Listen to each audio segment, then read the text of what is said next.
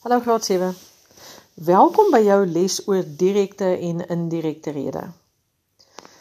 Ehm um, dis nog al 'n tamaletjie in Afrikaans. Ehm um, dikwels 'n area wat effens verwarring kan bring, maar vir my is dit absoluut een van die interessantste dele van Afrikaanse ontwikkeling. Ehm um, dis redelik ingewikkeld. Dis een van die dele waar jy die meeste reëls in een sin basies gaan toepas. So luister maar mooi.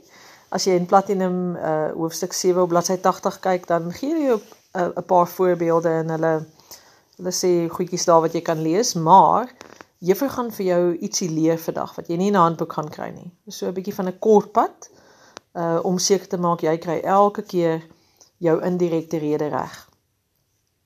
Um, in 'n toets vra hulle gewoonlik dat jy die indirekte rede skryf. So jy skryf van die persoon se direkte en eie woorde oor na hoe dit sou klink as iemand dit oorvertel aan iemand anders.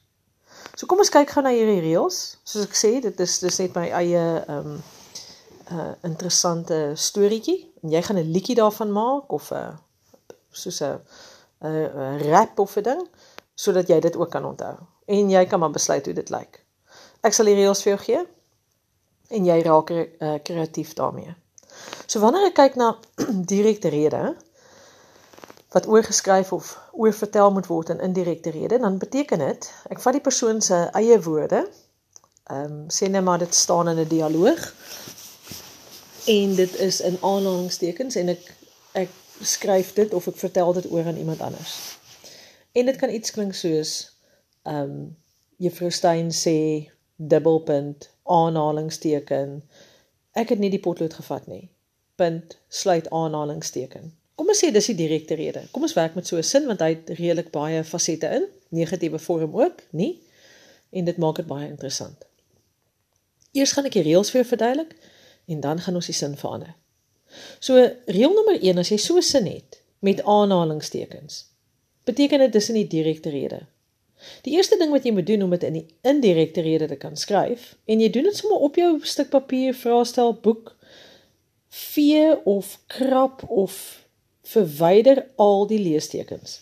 So sê net maar jy moet jou eie liedjie doen met ehm um, bewegings, handbewegings, dan kan ek nogal sien dat jy jy weet iets in die lug gaan uitvee dat dit lyk asof jy dit op 'n bord uitvee of wat ook al. Ons kan die liedjie oefen as ons mekaar weer sien want ek het my eie moves, miskien hou jy daarvan. Kan ook jou eie uitwerk. Ehm um, anyway, so vee al die punctuasie uit. Dis nogal belangrik. Al die leestekens. Jy gaan nie dubbelpunt uitvee. Jy gaan nie aanhalingstekens uitvee. Hulle nie meer nodig nie, gaan jy weer gebruik nie. Reël nommer 2. Nou moet jy soos 'n hartjie maak voor jou lyf of voor jou gesig met jou twee arms wat invou. En maar dit vou een arm op 'n slag in. En die rede hiervoor is jy moet nou 'n keuse maak. Wanneer jy jou indirekte redesin skryf, gaan jy iets of iets anders insit. So dis hoekom die een hand eers inkom en dan die ander hand en dit maak soos 'n hartjie voor jou. Jy gaan of die woordjie dat insit of jy gaan die woordjie of insit. Ek dink jy het geweet van die tweede een nie, né? Dis bietjie gevorderd. Ons is nou al op pad hoërskool toe.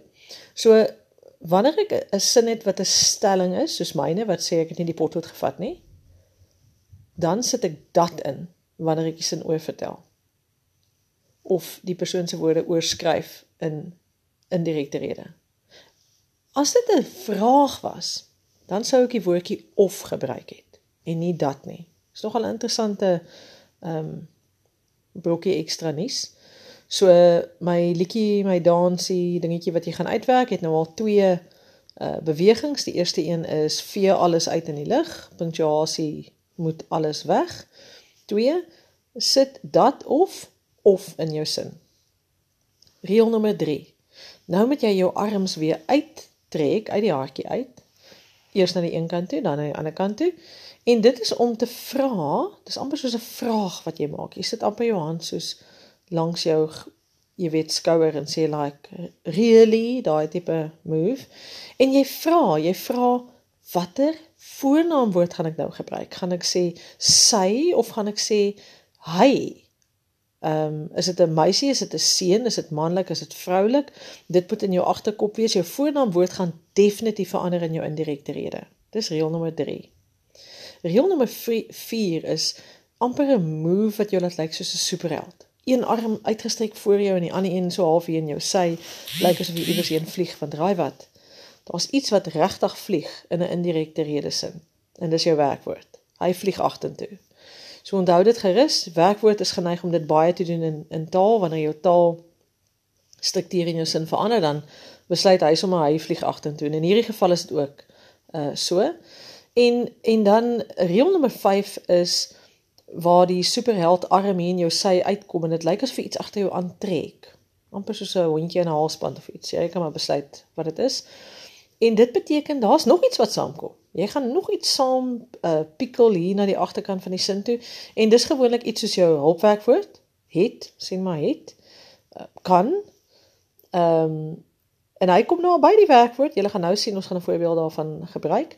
Of dit kan ook die negatiewe vorm wees. Soos soos in my sin waar ek sê ek het nie die potlood gevat nie. Kom ons kyk wat gebeur met daai negatiewe vorm. Hy flenter ook agtertoe. En weet jy wat? Hy gaan eintlik by die werkwoord verby. Want die algemene Afrikaanse reël sê negatiewe vorm laaste in jou sin. Die tweede negatiewe vorm en dan moet twee in 'n sin wees. Anyway, kom ons som dit gou op. Vyf reëls. Een ding wat jy doen, jy verander 'n sin van die direkte rede na die indirekte rede en jy het vyf moontlike reëls wat van toepassing is. Dis ongelooflik. So kom ons uh uh som dit gou op. As ek van direkte rede die persoon se eie woorde ehm um, wat wys wie praat en 'n dubbelpunt het en aanhalingstekens het oor vertel of oorskryf na die indirekte rede en ek wil sê wat hierdie persoon gesê het dan gebeur daar gemiddeld 4 tot 5 goed en dit is reël nommer 1 vee al die punctuasie uit raak ontslae daarvan jy gaan omtrent al daai punctuasie nie weer gebruik nie. Reël nommer 2 sit dat in waar die dubbelpunt was of as dit 'n vraag is of reël nommer 3 besluit watter voornaamwoord jy gaan gebruik. Want die voornaamwoord wat nou in die sin is gaan nie meer werk nie. Jy verwys terug na iemand anders toe en die voornaamwoord moet verander. As dit 'n meisie is dan dan gaan die voornaamwoord dit wys en as dit 'n seun is gaan die voornaamwoord dit wys manlik of vroulik spesifiek. Reël nommer 4 iets gaan na die agterkant van die sin toe beweeg. Wat sal dit wees? Jou werkwoord. Reël nommer 5. As daar 'n hulpwerkwoord is, dan pikkel hy saam na die agterkant van die sin. Hy skryf reg langs jou werkwoord in. En natuurlik as daar 'n negatiewe vorm is, dieselfde, maar die die negatiewe vorm gaan verby en hy gaan reg na die einde van die sin. So kom ons probeer dit. My oorspronklike direkte redesin was Juffrou Steyn sê dubbelpunt aanhalingsteken. Ek het nie die potlood gevat nie. Punt sluit aanhalingsteken. Nou wil ek dit oorvertel aan iemand anders. Dit gaan so klink. Met die reëls, ek verduidelik. Juffrou Steyn sê al die punctuasie uitgevee dat in die plek van die dubbelpunt. Watter voornaamwoord gaan ek kies? Oh, sy, want ek verwys na 'n vrou of 'n meisie. Juffrou Steyn sê dat sy nie, daar's my eerste negatiewe vorm, hy skuif glad nie, hy bly net waar hy was in die sin. Die potlood gevat het daar's my hulpwerkwoord, hy het agtertoe geskuif en en en gevat heel agter is jou werkwoord, het reg langs jou werkwoord, hulpwerkwoord en die reg aan die einde is nie. Juffrou Sein sê dat sy nie die potlood gevat het nie. Kyk hoe staan daai drie in 'n ry aan die einde van die sin. Gevat is jou werkwoord, hy staan reg agter soos ons voorspel het met die superhero move. Hulpwerkwoord het reg langs hom ingeskuif het, gevat het en natuurlik die negatiewe vorm. Gaan sommer by almal verby en die reël sê hy moet heel laaste wees, nie. En daar's geen aanhalingstekens nie. Daar's net 'n punt. Daai punctuasie is als uitgevee. Kom ons vat nog een. Ehm um, kom ons sê 'n sin soos wat enetjie in jou boek miskien. Ehm um, Hier's 'n vraag ene. Michelle, kan jy my asseblief sê hoe laat dit is? Vra Ben. Nou wil ek dit oorskryf en ek wil dit in die indirekte rede skryf. Ben vra of Jy kan ook sê Ben vra Michelle hoflik. Jy kan sê hoe hy dit vra. Ons gaan nou daaroor gesels, maar kyk kyk wat gebeur met die res van die sin. Of kom in. Alle punksies uitgevee of kom in die plek van die oorspronklike dubbelpunt. Sy is die nuwe voornaamwoord wat jy gaan gebruik. Dit was nie in die oorspronklike sin nie, want jy verwys na 'n meisie. Vir hom kan sê hoe laat dit is en daar is jou werkwoord heel aan die einde van die sin. Goed, kom ons gesels 'n bietjie oor uh woorde wat kan beskryf hoe jy vra of sê. So in hierdie sin byvoorbeeld het die woord hoflik ingekom, want dis die manier waarop Michelle dit vra, want in die oorspronklike sin het sy gevra asseblief. Michelle, kan jy my asseblief sê hoe laat dit is vir Ben? OK, of Ben het oorspronklik gesê, kan jy my asseblief sê? So hy het op 'n mooi hoflike manier gevra dan kan jy wanneer jy 'n in indirekte rede skryf, beskryf hoe hy gevra het. Sien net maar hy het dit geskree. Sien net maar hy het gesê die oorspronklike ehm um, direkte rede sin was ehm um, Ben skree dubbelpunt. Michelle, kan jy my sê hoe laat dit is? Sê net maar uitroepteken en dan sluit die aanhalingstekens. Dan sou jy kon sê Goed, dis dis nog steeds 'n vraag. So die die woord of sou jy gebruik het en jy sou gesê het ben ehm um, uh vra sê nou maar uh ben dit met 'n vraag uitgeroep of ben roep uit ehm um, en vra of Mishalom. So daar jy het 'n effense speling as dit kom by die gebruik van woorde om te beskryf hoe jy dit doen. Ek dink op bladsy 80 is al goeie voorbeelde daarvan. Jy kan 'n bietjie daarna gaan kyk. Vir my is dit egter belangrik dat jy weet wat jy met jou woorde moet doen, hoe hulle skuif, dat daar vyf basiese reëls is. Ehm um, basiese reëls. Let wel, dis nie elke keer presies die geval nie, maar dis basiese reëls wat jou gaan help om jou woorde in die regte plekke te skryf. Wees bewus van die feit dat jou werkwoord skryf. Wees bewus van die feit dat jou hulpwerkwoord kan skuif in jou sin. Wees bewus van die feit dat jou voornaamwoord gaan verander.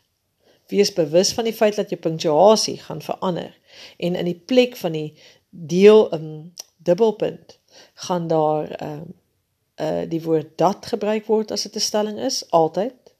En as dit 'n vraag is, dan gaan die woord of gebruik word wanneer jou sin van direkte na indirekte rede oorgeskryf of oor oor vertel word. En dan staan 'n laaste aspek wat jy moet onthou. Baie keer word daar plek of tyd aangedui. Dit kan ook verander. Dink 'n bietjie as ek sê, ehm um, ek ek ek wil hierdie ehm um, roomys hê. En iemand moet dit oorvertel. En die persoon moet sê, Juffrou Steyn sê dat sy dan kan die persoon mos nie sê hierdie roomys wil hê nie. Want hulle is dalk heeltemal op 'n ander plek en daar is nie 'n roomys daar wat lyk soos die een wat ek wil hê nie en hulle is nie waar ek was toe ek die roomys wou gehad het nie. Dis mos net logies, né? So dan gaan daardie woorde wat plek aandui ehm um, gaan dan verander. So daardie sin gaan so klink. Sê net maar ek sê ek wil die roomys hê en dit moet oorgeskryf word in die indirekte rede, dan gaan dit sê Juffrou Steyn sê dat sy daardie roomys wil hê. Want dit word op 'n heel ander plek deur iemand anders oorvertel. En as jy sê hierdie roomys, dan is jy by die roomys. Ook tyd. Ehm um, vandag gaan dalk ehm um, ek weet nie gister wees dit dit hang af jy weet in watter konteks dit oorvertel word. Wat van wat van as ek praat van môreoggend, dit, dit gaan die volgende oggend wees. OK, want as ek nou sê ek wil môreoggend vroeg opstaan om te draf en iemand gaan vertel dit oor dan wanneer vertel hulle dit oor? En en kan dit nog steeds môreoggend wees of gaan die persoon sê die volgende oggend? Ek weet dink 'n bietjie daaroor. Dit En ek dis nog boon en behalwe die algemene vyf reëls. So. Ek dink jy verstaan nou hoekom ek sê dis regtig 'n mond vol as dit kom by direkte en indirekte rede.